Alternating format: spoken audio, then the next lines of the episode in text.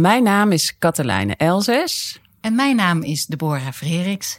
En, je, luistert naar de 100% Inspiratie Podcast.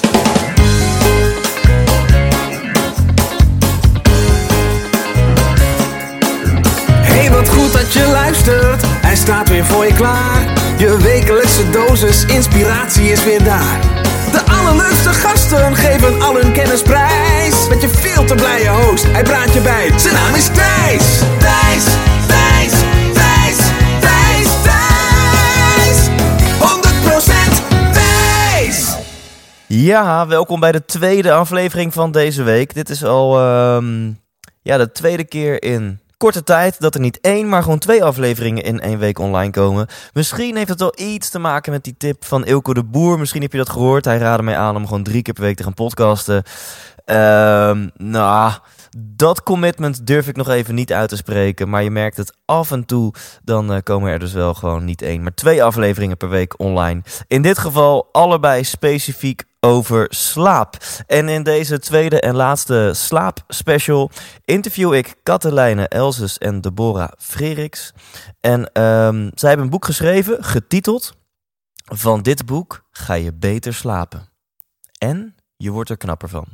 Nou, als het met zo'n titel niet jouw aandacht eh, trekt, dan weet ik het ook niet meer. Een korte introductie op deze eh, twee dames, die ik trouwens gewoon hier op Eiburg in mijn eigen huis heb mogen ontvangen. Eh, we hebben heel veel lol gemaakt, ehm, maar ook een goed gesprek gehad. En dat ga je komend uurtje meemaken. Deborah, zij is schrijver en illustrator, onder andere van kinderboeken. En Katelijne, zij is schrijver en journalist, onder andere voor Flow, Happiness en Psychologie Magazine. Nou, en zij merkten allebei dat zij, eh, net als één op de drie Nederlanders, dus grote kans dat jij jezelf hierin herkent, dat zij eh, slecht slapen. En toen zijn ze maar eens op onderzoek uitgegaan. Nou, en daar is dit luchtige en humoristische boek uitgekomen met heel veel praktische tips. En die tips komen natuurlijk ook in dit interview voorbij. Dus we gaan het hebben over ehm, hoe het komt dat veel mensen slecht slapen, wat je eraan kunt doen. Eh, en vooral gaan eh, Deborah en Katelijne ook hun eigen successen en fuck-ups met je delen. Ehm, bijvoorbeeld, hoe is het nu om in bed te liggen met een robot? Wat zogenaamd je slaap zou moeten kunnen verbeteren. Nou ja, als je wil weten waar dat precies over gaat, blijf dan luisteren. En wil je dit boek ehm, winnen, check dan thijslindhout.nl slash slaap. Daar kun je dus niet alleen het boek van Floris winnen van de vorige aflevering, maar ook dit boek. Of als je denkt, ja Thijs, het is eh, Sinterklaas, kerst, weet ik veel wat eh, voor feestdagen allemaal eraan komen. Ik wil dit boek gewoon nu bestellen. Ja, dat kan gewoon via de bekende kanalen, waaronder youbedo.com. You be do, zo van jij bent doen, eh, zeg maar. En eh, dat raad ik eh, van harte aan, want het is net zo voordelig als via bol.com, maar dan steun je ook nog eens een goed doel. Of dit boek is zo populair dat het ook gewoon in de Bruna ligt, dus je komt hem wellicht gewoon tegen. Dus check thijslindhout.nl slash slaap voor die winactie en eh, ga nu lekker zitten en luisteren. Hier zijn Katelijne Elzes en Deborah Freriks. 100% Thijs.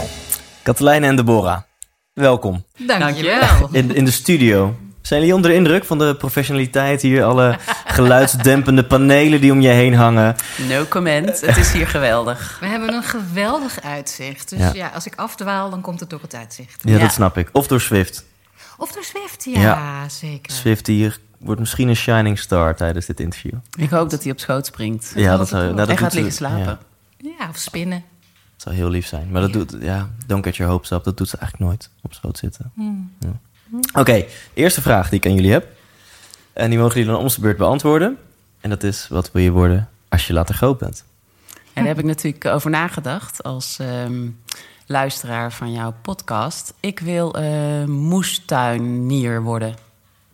Moest dat wilde of wil? Nee, dat wil ik. Uiteindelijk. Elaborate, licht toe. Nou, ik vind het prachtig. eh, journalist zijn, boeken schrijven, me ergens in verdiepen. Maar uiteindelijk wil ik terug naar dat tuintje met die tomaatjes die opkomen en wel of niet groeien. En tevreden zijn. En dit klinkt alsof dat zou je niet on the side willen doen, maar dit, dit zou je gewoon echt, dit zou, dat dit jouw leven is, dat, daar zou je wel naartoe willen. Denk ik wel, uiteindelijk.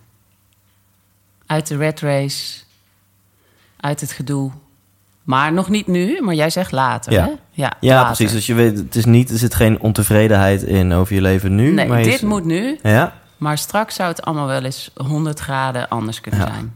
En een hele flauwe vraag. En wat zou dat doen met je nachtrust? Als je dan straks dat moestuintje hebt. Ze slapen als een roos. Ja, ja echt? eh, Waar, waardoor denk je dat dat zou komen? Waardoor denk je dat die red race... En je hoeft niet meteen volle bak de inhoud in te duiken... maar eh, ik kan gewoon de nieuwsgierigheid niet onderdrukken...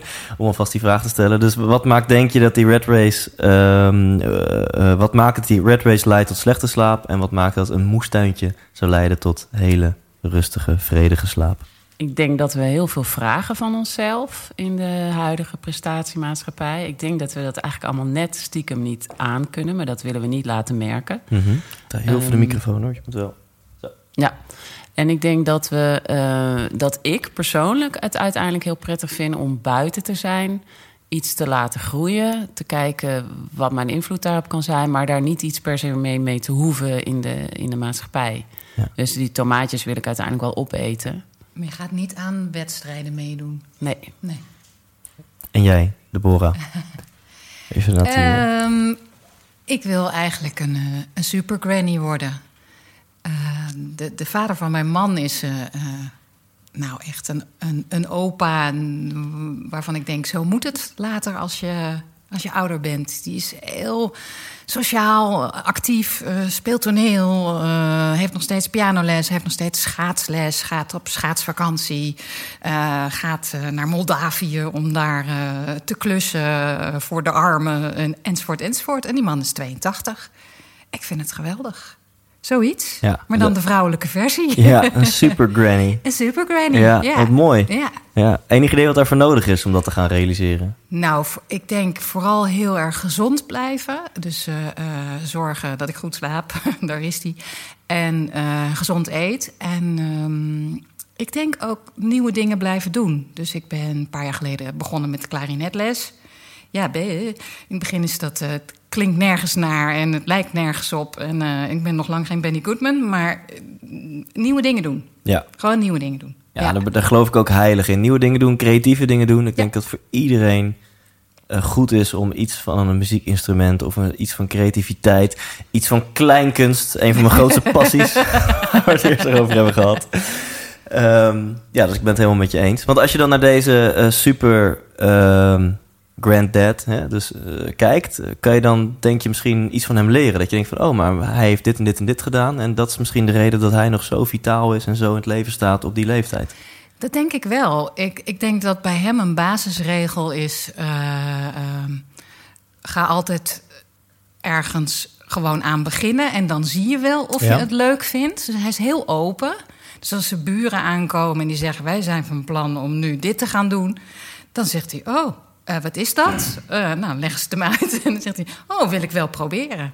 En zo komt hij dingen tegen die hij niks vindt. Maar hij gaat heel vaak weer nieuwe dingen aan. Dus hij mag dan 82 zijn, maar hij zegt ook regelmatig: eh, eh, wat, wat is dit voor ingrediënt in het eten? Daar heb ik nog nooit van gehoord. En hoe moet je dat dan klaarmaken? En dan pakt hij een notitieblokje en dan schrijft hij het op.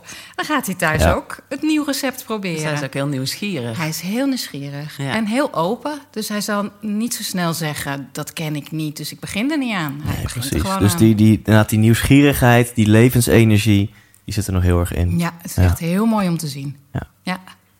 Goed om even voor de luisteraar ook te vertellen, denk ik. dat Jullie zitten heel knus tegen elkaar aan. Want eh, ik kwam er eigenlijk net pas achter van... oh, jullie komen met z'n tweeën. eh, daar heb ik twee microfoons nodig, maar die heb ik niet. Dus Goede het is, voorbereiding. ja, dankjewel. Zo, eh, zo zie je maar weer hoe professioneel de 100% Inspiratie-podcast achter de scherm is. Ongekend. En eh ligt hier een boek voor mijn neus. En dat boek heet Van dit boek ga je beter slapen. Nou, ik heb uiteraard in de intro die hiervoor zit... de luisteraar al een beetje lekker gemaakt... over eh, wat ze kunnen verwachten van dit interview. Ehm, ik ben super nieuwsgierig. Ehm, voordat we over dit boek gaan beginnen... ben ik eerst eens nieuwsgierig naar jullie persoonlijke verhaal. Wie, wie zijn jullie en wat doen jullie? Dus voor de kijker, voor de luisteraar bedoel ik... die jullie wellicht nog niet kent... willen jullie kort jezelf even voorstellen? Ja, zal ik beginnen? Ja? Ja. Go ahead. Ik ben eh Katelijne Elzes en eh, ik ben momenteel journalist, vooral voor veel tijdschriften. Dus eh, Flow kennen veel mensen wel, een Happiness, Psychologie Magazine. En ik schrijf vaak vanuit mezelf een verhaal, dus ik loop ergens tegenaan. Eh bijvoorbeeld, ik lig s'nachts te piekeren. Wat kan ik daarmee doen? En ehm, ja, wat wil je nog meer horen? Nou, neem ons mee in. ehm, eh, vertel misschien iets over, eh, over je leeftijd, over je, je levenssituatie. En misschien ook meteen wel leuk om de rol van slaap in jouw leven kort toe te lichten. Ja. Eh, nou, ik ben 49 en ik woon in Amsterdam met twee puberzonen en een man en een kat. En slaap ehm, vond ik vroeger vooral heel suf. Dus net als iedereen probeerde ik met weinig slaap door het leven te gaan als student. En vooral veel te dansen en uit te gaan. Totdat ik op een dag merkte dat eh, te weinig slaap eh, je gezondheid eh, in gevaar brengt. En ook je humeur. Dus ik werd eh, ja, een beetje angstig en depressief. Ehm, niet heel zwaar, maar wel genoeg om te gaan eh, bedenken waar dat aan lag. En eh Deborah is al 30 jaar een vriendin van mij. Die ken ik van eh, kleinkunstopleiding. Jouw favoriete Kunstvorm. kunstvorm. en eh, wij begonnen te praten over dat slapen.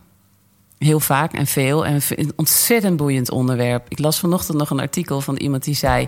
we zeggen toch ook niet van baby's dat ze lui zijn. Je moet gewoon voor je slaap zorgen. Ja, ja mooi. Dus we gaan zo meteen de, de concrete tips in en de dingen die in het boek staan. We krijgen natuurlijk gewoon een hele toffe sneak preview. Ja. Met concrete inzichten, verhalen en tips. Eh, en jullie zijn echt ervaringsdeskundigen. Dus echt deskundigen vanuit de praktijk, vanuit je eigen frustratie. Eh, Tot aan een lichte depressie toe zeg je, merkt gewoon shit, er gaat iets niet goed in mijn leven. En een tijdje kwam je erachter, ja, slaap speelt daar een grote rol in. In het feit dat het even niet lekker gaat. Ik denk wel dat slaap de basis van heel veel is. En eh, goed slapen is het nieuwe gezonde eten. Dus er is heel veel aandacht voor eten geweest. Nu zie je dat er steeds meer aandacht komt voor slapen. Eh, en dan doen ze bijvoorbeeld een onderzoek. Als je twee eh, nachten minder dan zes uur slaapt, dan heb je net zoveel kans op een auto-ongeluk als dat je drie glazen wijn of bier hebt gedronken. Wauw. Dus het is eh, serieus. Het kost de maatschappij ook veel geld. Het kost werkgevers. Een slechte slaper kost een werkgever zo'n acht werkdagen per jaar. Het is echt wel serieus. En er komt meer aandacht voor. En wij vinden dat vanuit ons persoonlijk leven, maar ook professioneel gezien, alleen maar goed. Ja. En Deborah, jij herkende dit enorm. Toen eh, jouw bestie Katelijne jou opbelde of hierover begon, dacht je, ja, eh, ik, heb ook, ik slaap ook slecht. Ja, we hebben, het, we hebben het er in de loop der jaren altijd wel over gehad. Ehm, bij mij is het inderdaad voor het eerst echt misgegaan eh, tien jaar geleden toen mijn dochter werd geboren. Want die sliep niet, nooit langer dan anderhalf uur. En dan was, eh, ging ze huilen en dan een half uur en dan ging ze huilen en dan weer twintig minuten en dan ging ze weer huilen.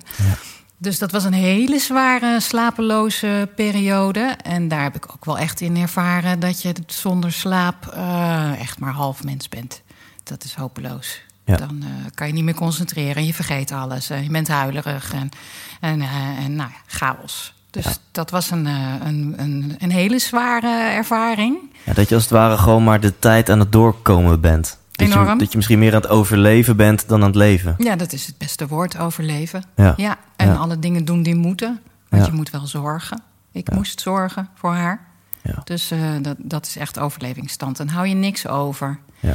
Ehm, daarna heb ik het wel weer opgebouwd. En zij is ook gaan slapen, gelukkig, op een gegeven moment, na anderhalf jaar. Ehm, maar wel in toenemende mate eh, gerommel. Heel lang wachten tot ik in slaap viel. Dat was eigenlijk mijn voornaamste probleem. Dus ik was nog niet eens somber of zo. Want het hele enorm piekeren, dat, dat heb ik meestal de eerste paar uur dat ik wakker lig niet. Bij mij gaat het piekeren pas aan na twee, drie uur s'nachts. Dan komt de machine alsnog Want dan word je wakker, dan slaap je al. En dan Nee, word- dan ben ik nog steeds Oh, wakker. ja, ja, ja. dan ga ik En je zou- aftellen. Want je zou denken, je, je bent, als je zo weinig slaapt omdat je dochter zeg maar elke anderhalf uur wakker wordt, dan ehm, als je eenmaal op, op bed ligt, dan slaap je wel. Maar dat was dus niet het geval. Nee, want eh, dat wakker schrikken omdat er een baby naast je oor eh krijzend afgaat, dat, dat zorgt voor enorme hoeveelheden stresshormonen in je lijf. Ja. Dus ja, de, de eerste keer dat het stil wordt, viel ik in slaap.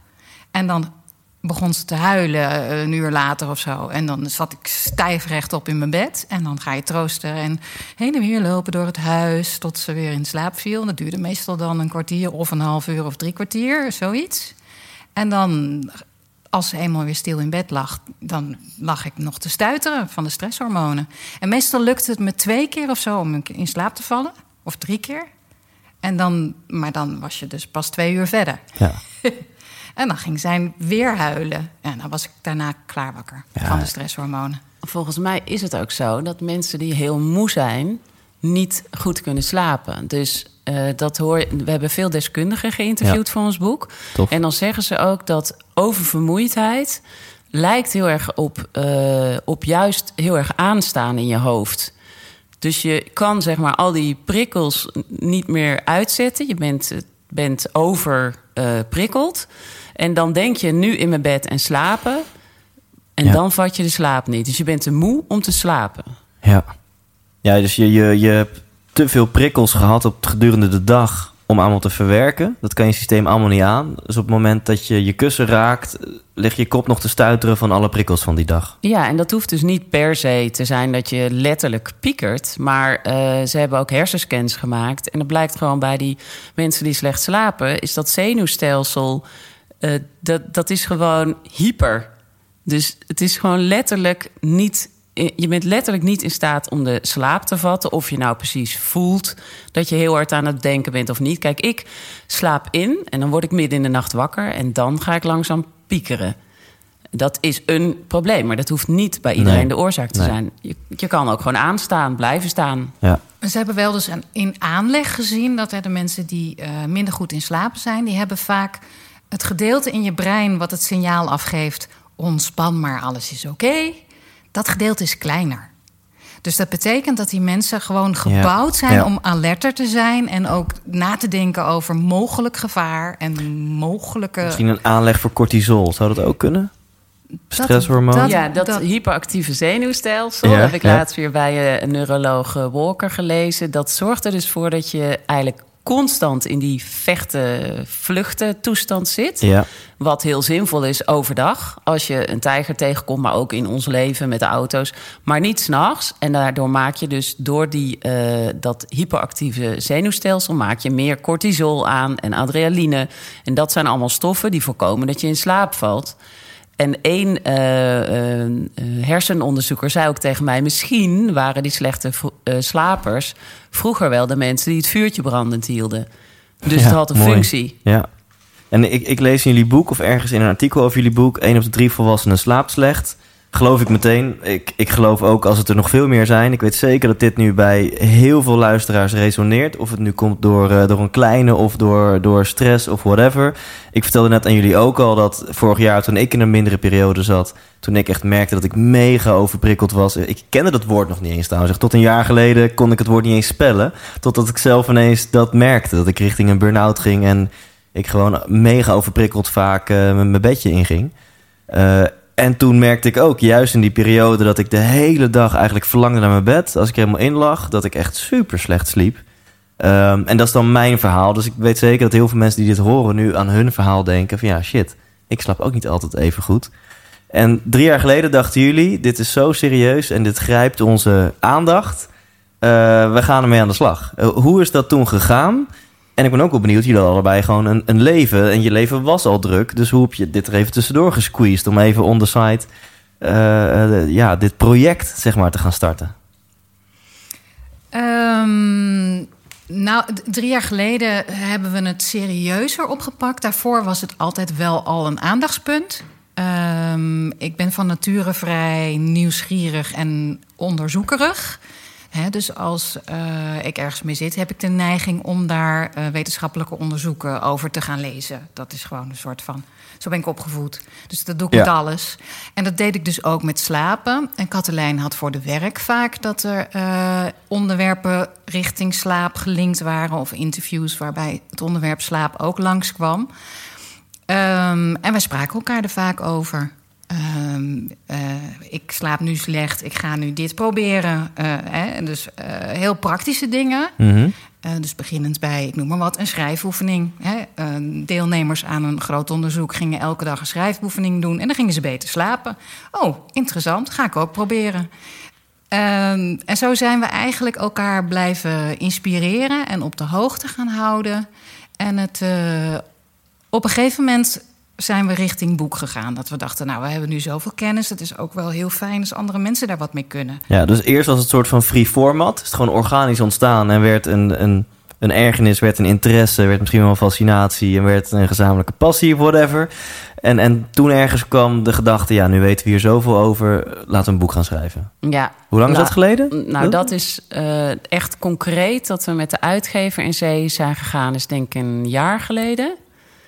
Maar daarvoor merkten we ook, want ik weet niet precies waarom, maar er zit een soort schaamte op slapen en veel willen slapen. Maar die waren wij voorbij, want we dachten, Ja. ja. dit is een onderwerp, we gaan erover schrijven. Dus gingen we op feestjes vragen of op borrels, hoe slaap je en wat doe je als je s'nachts wakker ligt? En toen kwamen we achter een wereld die bestaat buiten de normale wereld, waarin mensen om drie uur s'nachts de hond gaan uitlaten, een boek gaan schrijven, Hardlopen. hardlopen, eh, de hele wereld bij elkaar fantaseren. Dus ik vond dat zelf ook een heel poëtisch gegeven. Maar ik merkte ook, jij zei het net ook, één op de drie mensen is niet tevreden over zijn slaap. Het is veel groter dan je denkt, maar er zit een taboe op. Gek genoeg. Dus als jij te hard roept, ik slaap slecht... dan zou jouw baas bijvoorbeeld ook te weten kunnen komen... hé, hey, wacht eens even, die is niet, niet helemaal gezond. Ja, ja. En langzamerhand gaat dat taboe eraf. Maar voor mij persoonlijk is het boek ook een manier om het, om het open te gooien. ja. We, zijn, we- willen heel graag eigenlijk aangeven dat het, heel, dat het juist heel goed is om het er openlijk over te hebben. Net als dat slechte voeding eh, hè, op een gegeven moment ook. Dan, dan kun je er andere mogelijkheden aan gaan pakken. Het is juist denk ik heel cool om te zeggen... ik investeer in mijn nachtrust, want dan heb ik veel meer energie. En dan ben ik veel geconcentreerder op het Ja. werk. En ik maak minder fouten en ik heb meer lol, een, leuker gezelschap. Minder Eh, rimpels. Minder rimpels, precies. Hoger libido. Hoger libido. Er zijn echt bakken vol met voordelen die iedereen wil. Ja. Dus jongens, de weg ernaartoe, Ja. dit is echt een, een key point. veel van mijn luisteraars zijn achievers. Anders luister je niet naar de 100% Inspiratie podcast. En ik denk dat we ook de achievers gerust kunnen stellen. Juist door meer en dieper en beter te slapen... heb je Mhm. meer focus en kan je juist meer gaan bereiken. Ja, zeker weten. Zeker weten. Neurologen zeggen ook echt, het is onzin dat je met vijf uur slaap per nacht toekomt. Ook als je Trump heet of Thatcher of een of andere grote CEO bent. Het kan gewoon niet. Het kan wel een tijdje, maar je leeft gewoon korter. Ja, het kan ook een keuze zijn. Dus, dus mensen die zeggen van, of die denken, eh, het is genetisch bepaald. eh, ehm, ik, als ik om één uur naar bed ga, word ik gewoon om zes uur hartstikke helder wakker.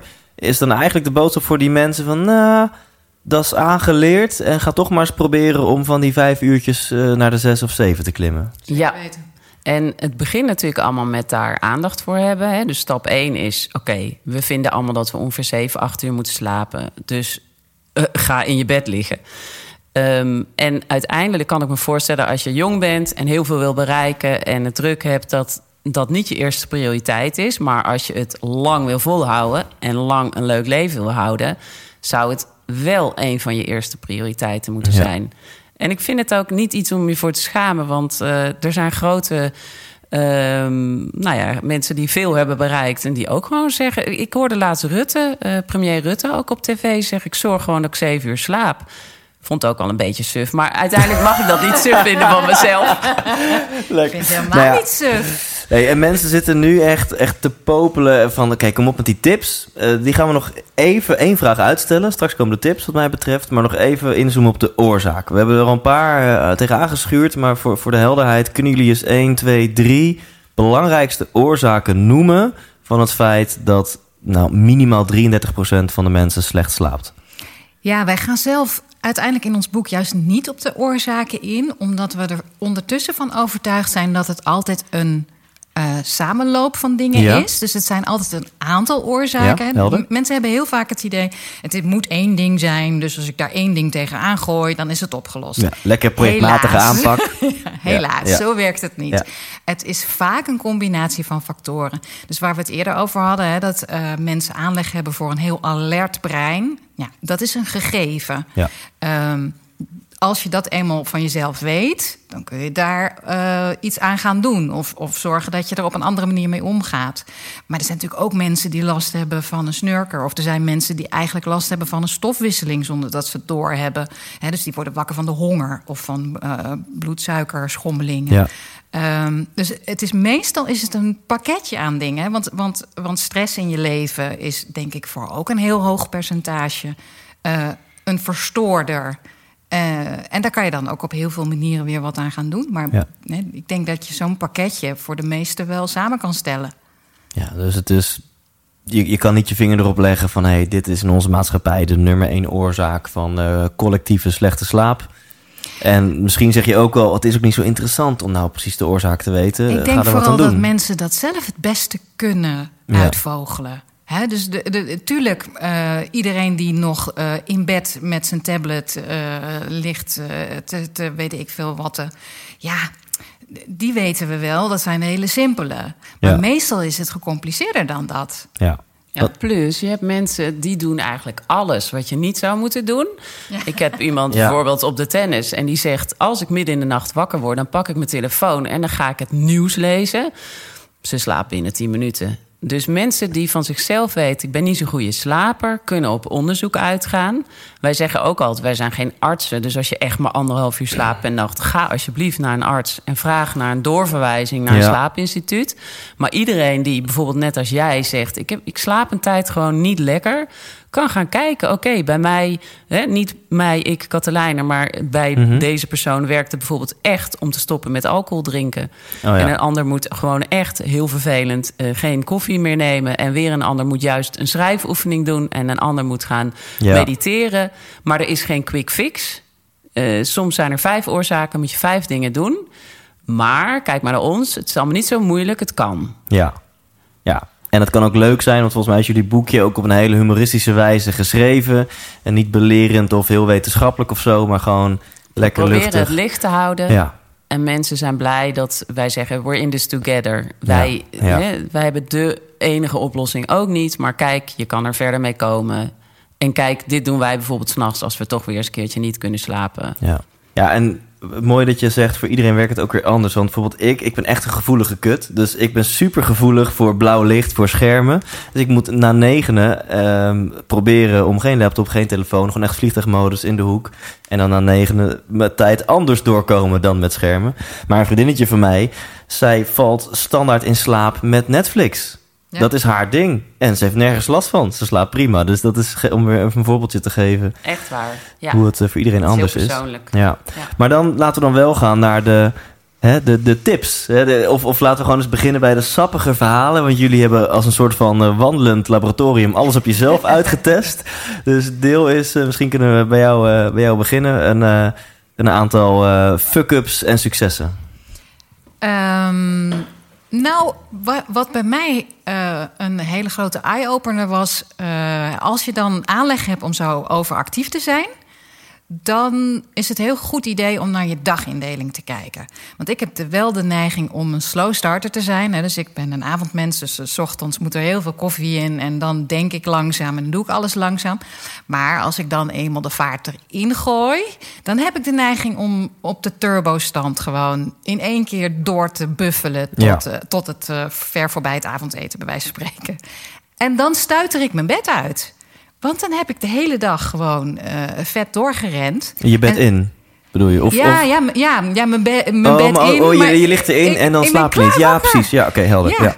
Dus Ja. eh, ik had dat vroeger nooit zo aan elkaar geknoopt. Weet je wel, je hebt je dag en dan, daar kun je in doen en laten wat je wil. En dan eh, op een gegeven moment begin je aan je nacht. En dat is een ander dagdeel. Maar dat heeft heel veel invloed op elkaar. Dus ik moet echt door de dag heen een aantal keer van die turbostand af. En even een half uur iets heel slooms gaan doen. Of iets heel eh, eh, anders dan waar ik de hele dag al mee bezig ben. Dus Ja. als ik achter de computer aan het schrijven ben en ik wil door, door, door, door, door. Ik heb nog tien ideeën. Dan moet ik juist naar buiten. Of als ik als een wit tornado denk, ik ga nu mijn hele huis eh, in één keer schoonmaken en nog even door. Dan moet ik gewoon gaan zitten.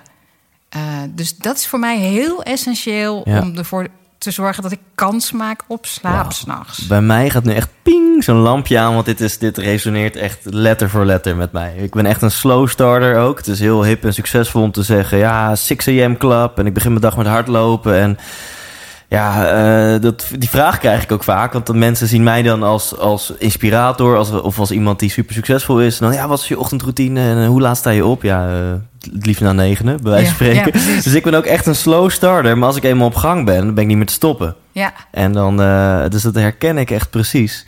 Ik had afgelopen eh, maandag Henry Schut geïnterviewd. Die kennen jullie dan waarschijnlijk ook niet. Want je... ik zeg ook, dames en heren, want ik, ik, ik kwam Wij hier... leven onder een steen. Ik kwam heel echt met fijn een, eh, onder die steen. Met een smel van oor tot oor zei ik net tegen jullie... ja, ik heb net Rico Verhoeven geïnterviewd. En jullie, wie? Rico, is, wie? Is dat ondernemer? maar eh, Henry heeft een beetje zijn postuur. Is een eh, nieuwslezer van het NOS, maar, of, of van Studio Sport. Oh, ik weet het. Ehm, Ja. Maar wel die veel de, sp- de fitnessgooi Je hebt een boek gaat. geschreven, toch, net? Ja, Ja, precies. ja, precies. Want ik doe nu niet aan name dropping. Dat was niet de intentie van dit stukje. Ik noem zijn naam omdat hij zei... Hij werkt vaak pas om drie uur. Dus om drie uur gaat hij naar zijn werk, smiddags. En dan komt hij vaak pas 12, 1 uur thuis. En als hij dan daarvoor gaat sporten...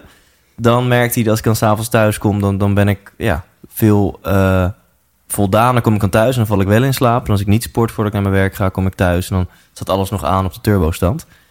Eh, dus dat is dan voor hem weer een ritueel wat dan helpt om als hij zijn kussen raakt, zeg maar, gewoon in slaap te komen. Ja, maar hij heeft dus wel goed uitgedokterd wat wel en wat niet werkt Ja. bij zijn systeem. Ja. en, Ja. da- en dat is eigenlijk wat iedereen moet doen. Hè, Ja. Kijken naar de verschillende mogelijkheden. eh, eh, dat is ook wel de insteek van ons boek, hè? heel breed. Ja, Want juist dat kijken naar je dagindeling, niet voor iedereen is dat essentieel. Voor mij wel. En voor jou waarschijnlijk Ja. ook. ja, Maar voor sommige mensen maakt het niet heel veel uit. Ja. Die zitten eh, eh, veel meer op verwerking of piekeren of eh, fysieke dingen. Ja. Ja, en mag ik nog wat toevoegen? tuurlijk, Katelijne. Kom er bijna niet tussen hier. Nee hoor. Ehm, nee, ik vind het ook wel interessant. Kijk, wij zeggen altijd, wij zijn geen artsen, maar wij hebben het zelf meegemaakt. Het moet ook maar net bij je passen. Want ehm, hè, wij lazen een onderzoekje. Als je eh, een half uur per dag wandelt... nou, is niet zo moeilijk, wandelen kan iedereen... dan ga je uiteindelijk eh, drie kwartier tot een uur langer slapen. Nou, voor slechte slapers is een uur best heel veel winst. Eh, hè, van vijf naar Wacht zes even, uur. een, een half uur wandelen overdag Ja. resulteert in minimaal een uur langer slapen, slapen. s'nachts. Ja. Ja. maar daar komt er maar. Je moet het vier maanden achter elkaar volhouden en dan heeft het pas effect. Dus Dag. daar ga je al. Ja. Het, eh, dus los Ja. van dat jouw oorzaak persoonlijk is en dus de passende oplossing persoonlijk is, is het ook nog zo dat je moet kijken wat ga ik echt willen doen. Ja. De een zegt ik laat met gemak dat glas wijn staan en de ander zegt ik ga met gemak elke dag een half uur wandelen, want ik heb toch een Ja. hond. Ja. Dus hè, zo, zo simpel is het niet. Aan de andere kant vind ik dus een half uur wandelen ook weer niet abracadabra. Als je daar een uur slaap mee wint. Plus, als je toch zeg maar regel toepast van na negenen geen scherm... Ja, je, je verveelt je te pletter na negen uur s'avonds. Dus ga dan maar wandelen. Ja, er is ook iemand die zegt neem een hond. Dat is de allerbeste manier om gewoon beter te slapen. Ja, maar die wil ook weer 's ochtends vroeg uitgelaten worden. Ja, dat is voor jou niet zo goed. Maar Nee. hey, ik ben Ja. een ochtendmens. Ja. hebt hondenluiken. Oh ja, oh wauw. En in eh, cognitieve gedragstherapie bij slapeloosheid is een mondvorm is eigenlijk heel simpel. Dat is een bepaalde vorm van therapie. Die wordt al heel veel gegeven door psychologen. En dan heb je ze ook nog gespecialiseerd in slapeloosheid. Daar, moet je, daar begin je ook met een dagboek bijhouden. Dus wat heb je nou eigenlijk gedaan? Hoe heb je geslapen? Hoe lang? Eh, wat heeft dus bij jou wellicht eh invloed op wat je doet? Wij hebben ook iemand geïnterviewd. Wij vinden het zelf nogal pittig om die hele therapie te doen. Dat is een van de weinige dingen die we nog niet hebben uitgeprobeerd, omdat we nu zelf veel beter slapen. Maar altijd een tip voor een luisteraar die denkt: ja, ik moet dit structureel aanpakken. Helder. En de, Deborah legde net uit van... van eh, nee, we blijven bij jou, Katelijne. Ja, ja. Dames en heren, jullie, jullie luisterden en luisteren nu nog steeds naar de zwoele stem van Katelijne. Want Deborah, jij zei net wat voor jou dan één ding is wat werkt. En eh, nou, dat resoneert bij mij. Dus voor, voor, ja, voor onze categorie mensen eh zorg ervoor dat je niet doorstuitert de hele dag door. Wat, wat is dan voor jou een van de eerste dingen die voor jou werkten? Bij mij zit het op dat piekeren. En dat, kan, eh, dat klinkt heel zwaar, maar dat kan ook gewoon zijn van... wat moet ik allemaal morgen nog doen? Oh jee, ik ben vergeten de, eh, weet ik het wat, vuilnisbak buiten te zetten. Dus ook heel praktische dingen. En wat ik moet doen is mijn hoofd, wat de kant op wil van piekeren... een andere kant op sturen. Dus wat bij mij werkt is bijvoorbeeld de positieve dagdroom, maar dan s'nachts. Die komt van een eh, Amerikaans psychiater. Die zegt, je moet gewoon af en toe tegen jezelf zeggen... oké, nu ga ik bedenken wat er allemaal voor leuks mogelijk is... en wat ik zou willen in plaats van alle narigheid. Dat doe je, vervolgens hou je er al je zintuigen bij... en ik val dan sneller weer in slaap. Uh, omdat dus dat hele alarmsysteem uitgaat. Omdat het allemaal fijn is wat ik me bedenk en warm. Hmm. En op een tropisch eiland in plaats van vuilnisbakken in de straat van Amsterdam. En uh, het lukt jou om daar, aan, om daar echt in te, te verdwijnen. Ja. In, in die gedachte van dat, dat, dat strand met, met Rico Verhoeven die een tros druiven komt, uh, komt brengen. Ja, zeker Rico komt heel vaak terug. Ik wist niet dat hij Rico heette, maar... Ja, alles wat op zijn plek. Hij is het, hij is het. Ja. Maar ik moet zeggen, ik heb in het boek hebben we natuurlijk meerdere oefeningen. Ik heb dat naast mijn bed leggen, liggen, echt als een toolbox. Want ook ik kan niet elke avond die positieve dagdroom nee. uh, s'nachts doen. Dus ik doe ook wel eens de oefening met het alfabet... waarbij je gewoon alle letters van het alfabet afgaat... en dingetjes uh, voor de geest haalt. Ja. Ik doe ook wel eens een dus oefening... Dus dan even, dan ga je beginnen met de A... en dan moet je associëren van, nou, de A is van... Aardbei. En dan denk je aan een aardbei. Ja. En de B is ja, van... De uh, B is van... Uh, banaan als je bij banaan. de fruit wil ja, blijven. er zit heel veel fruit altijd tussen ja? bij mij. Ja, oké. Okay. Ja. En dus niet de H is van hernia en die heeft mijn moeder. Want dat is emotioneel. A is van A-recht, dat is nog vies. En dan ga je weer daarover nee, piekeren. Nee, dus het moeten niet emotionele... Ja, gewoon spulletjes, zaken zijn. Ja. Um, Oké, okay, maar leuke concrete tip, hou, ja, hou ik van. concrete ja? tip is ja? ook onderzocht trouwens. Hè. Uh, volgens mij uh, heb jij daarin verdiept. Ja, dat is wel grappig. Dat is een, uh, een professor neurologie in British Columbia. En die heeft bedacht, vlak voordat je in slaap ga, valt... wat is het dan kenmerkend aan je manier van nadenken? Hè? Is dat anders dan de rest van de dag? Nou, dat is zo. Dat is anders dan de rest van de dag. En daar heeft hij die oefening op ontworpen. Dus wat je eigenlijk doet, is je brein laten werken... Precies op de manier die je van nature net voor het in slaap vallen do doet. Okay. En door dat na te gaan doen, op met die oefening, val je dus inderdaad veel makkelijker in slaap. Want je staat al op de okay. drempel. Want piekeren is niet hoe je brein normaal gesproken hoort nee. te denken. Nee. Vlak voor je in slaap valt, uh, zie je veel beelden. Dat is één. Ja. En denk oh, ja. je niet meer na over verbanden tussen dingen. Ja. Dus dat gaat er vanaf. En het is chaotisch. Ja. En daarom heeft hij die oefening gemaakt van je moet je echt visualiseren. Ja. Uh, ga echt die aardbei voor je zien met die groene blaadjes en die spikkeltjes en die dingetjes. Ja. Zo. En dan een willekeurig ander ding, maar dan met dezelfde beginletter. Oh, en dan geen verbanden maken. Dus je moet ja. niet uh, er een verhaaltje van gaan maken. Daar heb ik dan weer talent voor, maar dat moet je niet doen. Want dan ga je toch weer die verbanden leggen, maar gewoon echt losse plaatjes maken. En dan zit je Ja. eigenlijk al op de grens van slapen. Ja, precies. Dus stel als je gewoon wel goed slaapt en je zou gaan analyseren wat gebeurt er vlak vlak in slaapval. Wat jouw brein van nature doet voordat je in slaap valt, is Ja. dus in beelden denken, niet in verbanden, chaotisch. En als je dat gewoon gaat, gaat construeren, Ja. gaat manipuleren, dan ben je je Dan slaap een zetje aan het geven. Ja, dan sta je al op de drempel. Ik, ik ben een goede tip en ik ben verbaasd. Ik dacht jullie gaan zeggen, nou, dan moet je een bloknootje op je nachtkastje leggen en je moet gaan opschrijven van, oh ja, vuilnisbakken, alles wat, wat in je opkomt. Is, is dat niet... eh, Mag ook, ja. Een, van, hè, een andere eh, echt voor heel veel mensen werkende methode is juist inderdaad, neem s'avonds even de tijd om je to-do-list voor morgen gewoon even op papier te zetten. Of drie dingen die je heel fijn vond aan de dag. Eh, dat helpt ook. Als je Ja. dat elke dag gewoon doet, stevast. Dat helpt ook. Ja, je hoofd leger maken sowieso. Hè? Dus of je, je kan ook elke ochtend beginnen met je hoofd leegmaken. Dat klinkt heel onlogisch, want je gaat toch pas 's avonds naar bed. Maar als je dat elke dag doet, slaap je ook beter. ja. ja. Dus ja, nee, het bloknootje is ook echt heel fijn. En jullie hebben heel veel experts geïnterviewd afgelopen jaar. Ehm hele open vragen, maar kan je eens wat vertellen over, over een van de dingen die je hebt geleerd bij die experts en eh, hoe dat was om dat toe te passen? Nou, ik vond het interessant om een eh, huisarts eh, te interviewen. Dat is een huisarts die veel aan leefstijl doet. Hè. Die zegt liever paprika voorschrijven dan pillen. Eh, Tamara de Weijer heet ze. En ik zei tegen haar: wat gebeurt er eigenlijk als mensen met slaapproblemen bij de huisarts komen? Toen bleek als eerste dat maar 15% naar de huisarts gaat. Vind ik dus verrassend. En als tweede eh, zegt zij eigenlijk: staan we nog een beetje met lege handen, want er is geen aandacht voor in de opleiding. Eh, zij geeft zelf leefstijladviezen. Daar heeft ze er werk voor gemaakt. Dus zij geeft ook aan allerlei ontspanningsoefeningen. Dat weten we ook allemaal wel. Maar zij zegt wel, als huisarts zou je mensen moeten begeleiden. Want je kan van allerlei dingen voornemen, maar hou het maar eens vol. Uh, dus je moet bijvoorbeeld na zes weken weer een afspraak maken met mensen. En uh, wat ik interessant vind, is dat zij uiteindelijk zegt: dan pakken we toch de slaapmedicatie erbij. Uh, dus gewoon de slaappil. Uh, wat een zwaktebot is, want ja. na twee weken werkt het niet meer. En een slaappil, is dat melatonine? Of waar nee, hebben we het dat over? is een echte, uh, hè, dus een PAM. Themazepam, diazepam. Heel veel hoop. woorden eindigend ja. op PAM. uh, zijn rustgevende de middelen. De pammetjes. En heel eerlijk gezegd, wij hebben ze ook op het nachtkastje liggen. Uh, voor een enkel geval. Maar we zijn er wel achter gekomen. Het vergroot bijvoorbeeld je kans op Alzheimer behoorlijk. En uiteindelijk ook op uh, andere vervelende ziektes. Ja. Maar toch, dus eigenlijk staat de medische wetenschap deels ook nog met lege handen.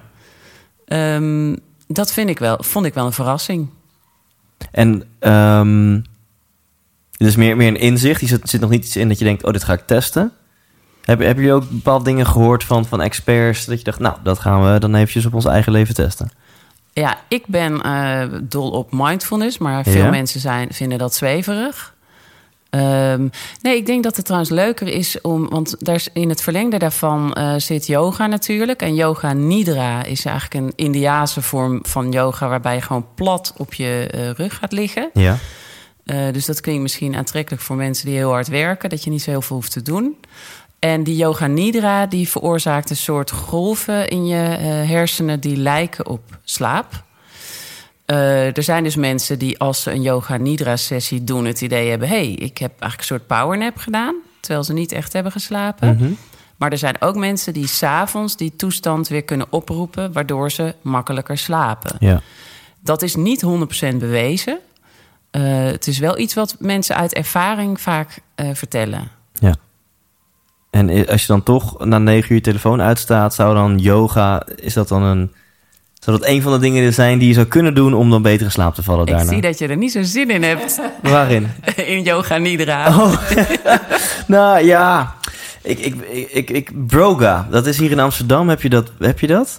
Uh, want ik, de keren dat ik yoga heb gedaan, en dat, dat zag je dan blijkbaar in mijn ogen voel ik me gewoon een loser als man. Want de helft van die standjes, die kan ik niet. Dus je, ik word eigenlijk alleen maar geconfronteerd met de onmogelijkheden van mijn lichaam.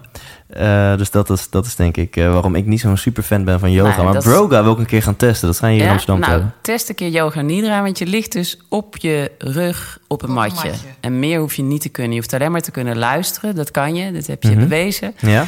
Uh, dus dan hoef je helemaal geen rare, moeilijke houdingen te doen. En toch heb je dikke kans dat het je slaap verbetert. ja. Maar je hoeft alleen maar te liggen, eigenlijk. Ja, dat- niet ja. eigenlijk. Alleen maar te liggen. dat kan ik. En eh, eh, um, wil je eens vertellen dan, uh, Deborah, mogelijk uh, een fuck-up? Want daar ben ik ook wel naar op zoek. Van dat je denkt van nee, dit heb ik getest. We hebben een expert geïnterviewd, of ik had het gelezen of wat dan ook. Dit zou moeten werken en ik heb dit getest, maar het werkt gewoon echt voor geen meter. De slaaprobot. De slaaprobot, ja, dat, is een, dat, maar dat was het begin van het test, hè? Die hadden we neem meer ons kans mee, moeten slaaprobot. geven. Oh, de Licht toe. slaaprobot, ja. Sla- Er, er zijn steeds meer technologieën die je helpen bij het slapen. Dus hoofdbanden die eh, eh, golven door je hersenen eh, sturen en geluidjes laten horen. En zo ook de slaaprobot. Dat is een soort knuffelkussen ehm, wat zelf kan ademen. Dat voel je. Die gaat eh, heen en weer, echt zoals een buikje. Mhm. Het is ehm, een beetje boonvormig, heel zacht. En die hebben we een week mogen testen. En een week is eigenlijk een beetje te kort. Ehm, wat je moet doen is je richten op de ademhaling van de robot. En dan gaat die vertragen. En dan ga je automatisch mee. Eh, Zo werkt dat met je lichaam. Als je een andermans ademhaling hoort of voelt, dan ga je automatisch Oh, ja, mee. ja. Dus daar, daar speelt hij eigenlijk op in. Maar ehm dit was nog een prototype. Dus hij ging vanaf het begin ontzettend langzaam. Dat ik Oh, ja. echt een beetje eh, zuurstoftekort kreeg. En de knopjes kon ik nog niet zo goed Oh, vinden. dus toen ja. hadden we opeens een muziekje midden in de nacht. En dat vond ik Oh, een heel ja. eng muziekje. Het was een soort eh, X-Files muziekje. Dus ik vond hem eigenlijk heel spannend. En ik zat in de knoop met het dekbed en de robot. En eh, je moet eraan wennen. En, en, en ze moesten nog wat kinderziektes kwijt. hè? Dus eh, hoe het nu gaat, binnenkort mogen we hem opnieuw testen in, de, in de eindversie. Dus ik ben heel benieuwd hoe dat gaat. Hou op de hoogte. En hoe denken jullie over activiteiten overdag die ook tellen voor slaap? Bijvoorbeeld bij Tony Robbins ben ik een paar keer geweest. En eh, die heeft een oefening, dan mag je op de grond gaan liggen. Dat is een heel gedoe, want je zit met 6000 mensen in zo'n zaal. Of 18.000 inmiddels, uh, seminars groeien. Moet je helemaal gaan liggen. En dan drie kwartier lang, oogjes dicht, eh, producties allemaal op en top. Laat dat maar aan de Amerikanen over. Dus lampjes uit en eh, muziekje aan. En dan vertelt Tony, of eh, neemt Tony Robbins je eigenlijk mee in een, in een meditatie, een geleide visualisatie. En ehm, na die drie kwartier zegt hij, en deze drie kwartier staat gelijk aan ongeveer drie uur slaap. ja, nou, ik denk dat dit een versie is van de Yoga Nidra. Ah, Dat is eigenlijk wat je bij de Yoga Nou, Nidra ook cool. doet. En daar, Ja. daar, daar, daar tapt hij uit een hele goede oude traditie. Want daar zeggen ze ook, het staat gelijk aan drie uur slaap. ja. En de powernap, hè? Ja. Vergeet de powernap Ja. niet. Eh, daar hebben we ook onderzoek naar gedaan. En dat doet het echt. Dus als je Cool. een powernap doet, heb je echt eh, daarna drie uur lang... kan je beter concentreren, kan je sneller denken. Eh, dus dat heeft zin. Slechte slapers moeten natuurlijk oppassen... dat ze niet te lang slapen. Eh, nooit langer dan een half uur. En zeker niet na vier uur 's middags. Maar ook dat is weer hartstikke persoonlijk. Ik ben echt een powernapper. En het heeft geen invloed op mijn nachtrust. Eh, het maakt mijn dag beter. En als mijn dag beter is, dan is vaak mijn nacht ook beter. Ja, Het is ook belangrijk om gewoon gelukkig te zijn, hè? Of ja, blij. ja Dan absoluut. slaap je ook gewoon sowieso beter. Ehm, dus wij zijn sowieso allebei voorstanders van powernaps. En dat heeft eigenlijk te maken met wat je overdag doet. Alleen in Nederland is er nog niet zo heel veel ruimte voor. Dus in, in Japan mag dat, Mhm. eh, mag dat in een café. Hè? Heb je slaapcafés. Ja, Eh, ik hoorde in een lezing onlangs dat in China eh, wordt het geheel geaccepteerd. Als jij even gaat slapen, omdat je dan even helemaal Mhm. weg bent van alles en daarna dubbel zo sterk terugkomt. Maar hier helaas nog niet. ik heb het vaak bij congressen. Heb ik een enorme behoefte om eh oogje dicht te doen. powernap. Oh god, ja. Ehm, dus, dus bij Google hebben ze het helemaal goed voor elkaar. Hè? De, de Ja. powernap ruimtes die zijn daar helemaal onderdeel van Ben de bedrijf. Jerry's ook. Ben Jerry's ook. Ja. Oh, kijk. ja. Want eh, misschien is dat een ideetje voor bij ons op kantoor. Eh, want ik heb, wij hebben onze ballenbak net weggedaan. We hadden een ballenbak vergaderruimte. Eh, staan op Marktplaats, dames en heren. 20.000 ballenbakballen bieden vanaf 500 euro. Eh, we, zijn nog, Zullen we? we zijn nog met het team eh, in conclave. Wat gaan we nu met die ruimte doen? Maar misschien moeten we daar gewoon een powernap ruimte van maken. Dat ik gewoon tegen mijn team zeg... jongens, eh, de ruimte is er. Maak er gebruik van. Ja, Ja. heel goed plan. Maar Eens. dus, ja? verder? Eens. Nou ja, eens. Oh. Omdat ik het. eh, en er zit weer een beetje die schaamte op dat slapen. Maar daar moeten we echt vanaf. Want eh, als NASA zelf zegt. eh, piloten functioneren gewoon beter. als ze tien minuten, een kwartiertje hebben geslapen.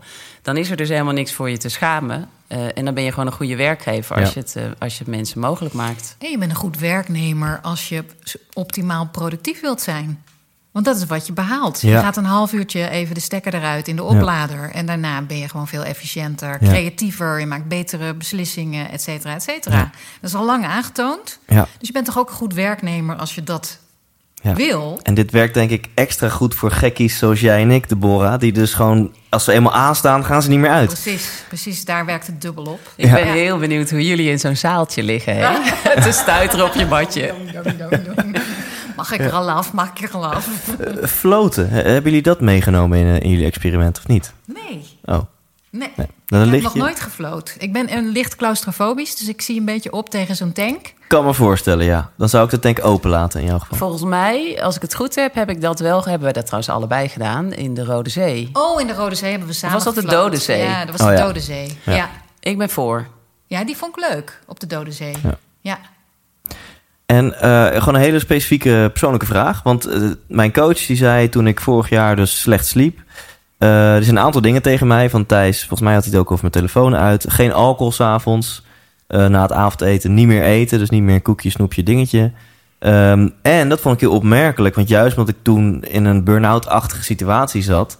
En eh, helaas zullen ook veel mensen die dit horen dit herkennen. Want de burn-out is gewoon even overwerkt, overspannenheid, depressies. Iets wat gewoon fucking veel voorkomt. De gemiddelde leeftijd van een burn-out is 32. Dat is natuurlijk ook echt insane.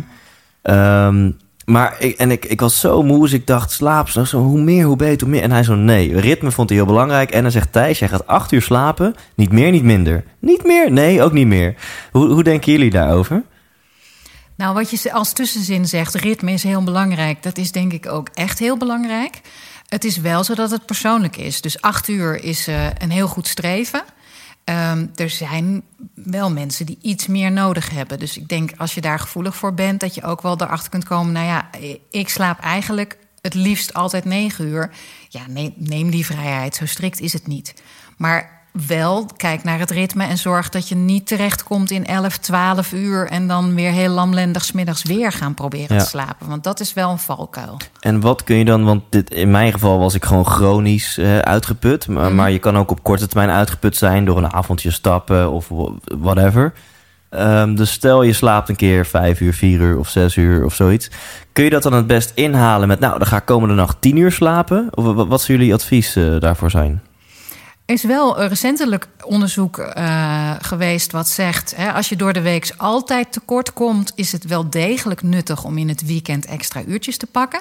De mensen die dat doen blijven op de lange termijn gezonder... dan degene die in het weekend dan ook nog kort blijven slapen. Nou, dat ligt een beetje voor de hand, maar dat is dan nu ook echt uh, aangetoond. Mm -hmm.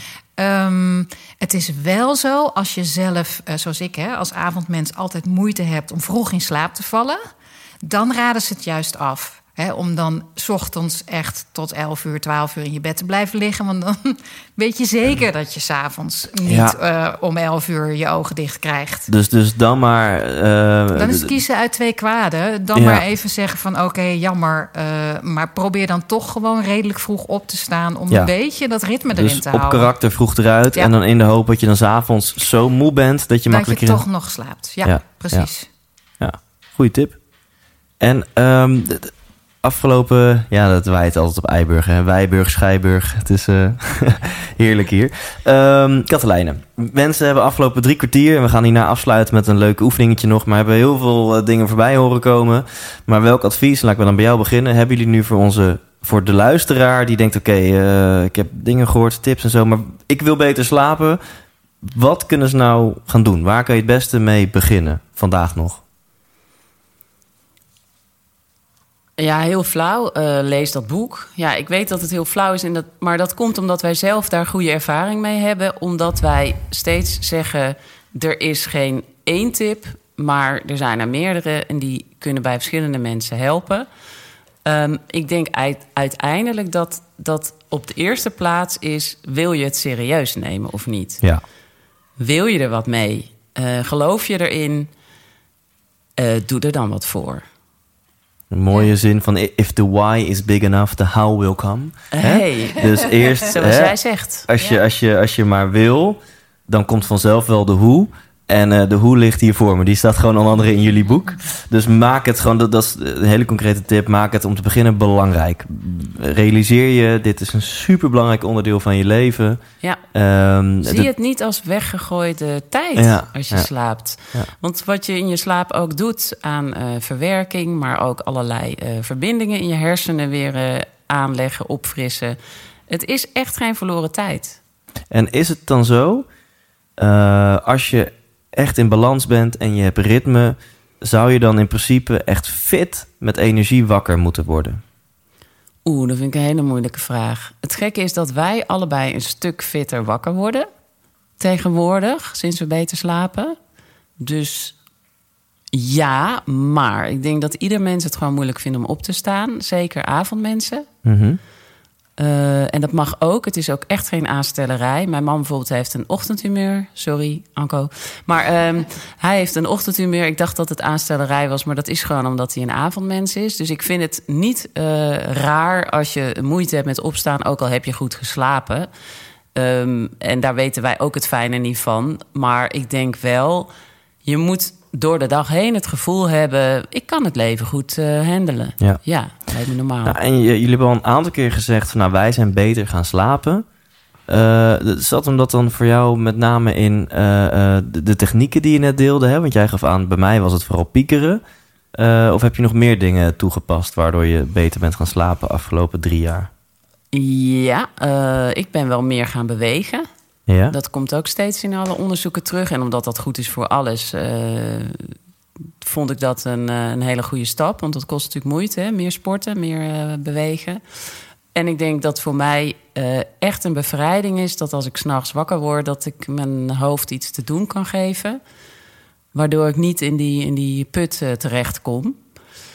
Ehm, dus die twee dingen denk ik dat mij ja, het meeste hebben opgeleverd. Ja. Heb jij nog wat aan te vullen, Deborah? Of, of ik ben ook heel benieuwd, uh, de nummer één tip, nummer één advies voor mensen die luisteren. Heb jij daar nog wat op aan te vullen? Um, sta open voor uh, verschillende wegen naar Rome. He, dus uh, ga ervan uit dat het niet één dingetje is waar je ontzettend aan moet draaien en dan is alles opgelost. Maar sta juist open voor: oké, okay, misschien uh, verander ik wel vier dingen. En elke verandering draagt een beetje bij. Ja. Want ik denk dat dat heel veel uitmaakt. Um, en voor mij persoonlijk uh, maakt het heel veel uit dat ik weet dat ik uh, een stapeltje oefeningen achter de hand heb. Dus niet één dingetje, ja. maar juist heel veel verschillende dingen als, als, als een soort gereedschapskist. Want elke dag is anders en elke nacht is anders.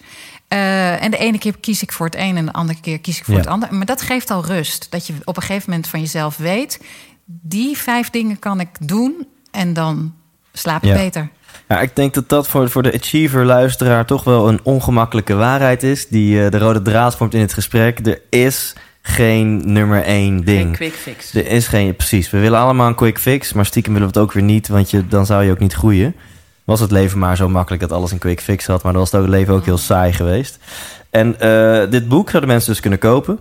Heeft een harde kaft. Ik heb hem hier voor mijn neus. Een leuke, eh, ja, vrolijke kaft heeft hij. En, en alleen al als je naar de inhoudsopgave kijkt, dan zie je al dat het lekker makkelijk weglezen. Hier hou ik van, want ik ben stiekem geen lezer. Maar elk hoofdstuk zijn maar drie tot maximaal vijf eh, à acht pagina's. Dus lekker veel korte hoofdstukjes.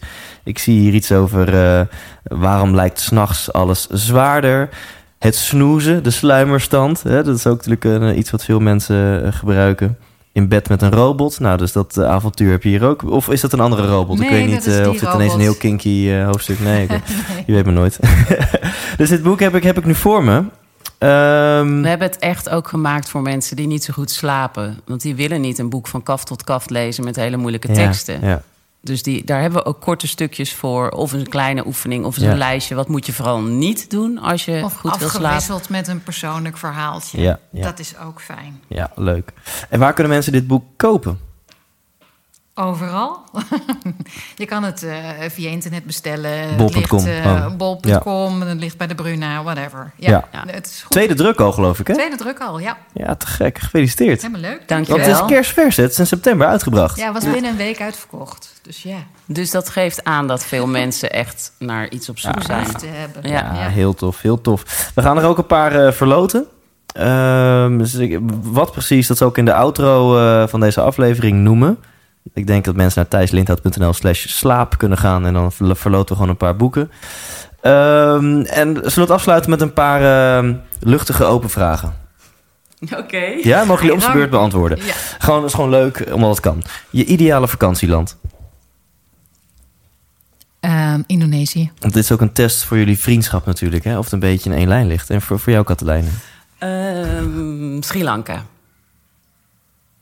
Nou, het is, al, het is al een beetje dezelfde kant op, toch? Ja, een beetje. Eh, de- Het beste boek, je favoriete boek? Oh jee. Ons boek. Ik weet het Eh, niet. Vrij van eh Marnix Gijzen heet hij volgens mij. Het Vrij van? Marnix Gijzen. Vrij. En waar gaat het? Dat, dat Het gaat klinkt, als een zelfhelpen boek. Alles wat in je hoofd zit niet waar is. Cool. Klinkt cool. Ja, het is eigenlijk heel boeddhistisch, hè? Ja, Er is niet één waarheid. Er is niet Nee. meer waar. Ja. Nee. Helemaal mee eens. Maar hij was eh, zwaar verslaafd en heeft gewoon op een dag gezegd... het is eigenlijk allemaal onzin, ik heb het allemaal niet nodig, kap ermee. Oh, wauw. mooi. Nou, Deborah, de volgende dan voor jou. Je favoriete film? Mijn favoriete film. Oeh, ik blijf nog steeds hangen aan echt een oudje die niemand volgens mij meer kent. Chaos. Is een, eh, een film over. ehm, Die, die, eigenlijk- die is wel in kleur? Of, ja, eh? ja, ja, het is heel mooi gefilmd. Ja. Heel mooi gefilmd. Heel langzaam gefilmd ook. Ja. Italiaanse volksvertellingen. Prachtig. Heel mooi. En daar, daar heb je wel het geduld voor. Ja. Ja, ja. Beetje kleinkunst, die film. Nee, er zit geen grap in. Oh, oké, oké, oké. Eh, nu wordt het spannender. Katelijne, wat ligt er op je nachtkastje? Ehm, oordopjes, eh, slaapmasker, ons slaapboek en een potje Vapo-rub.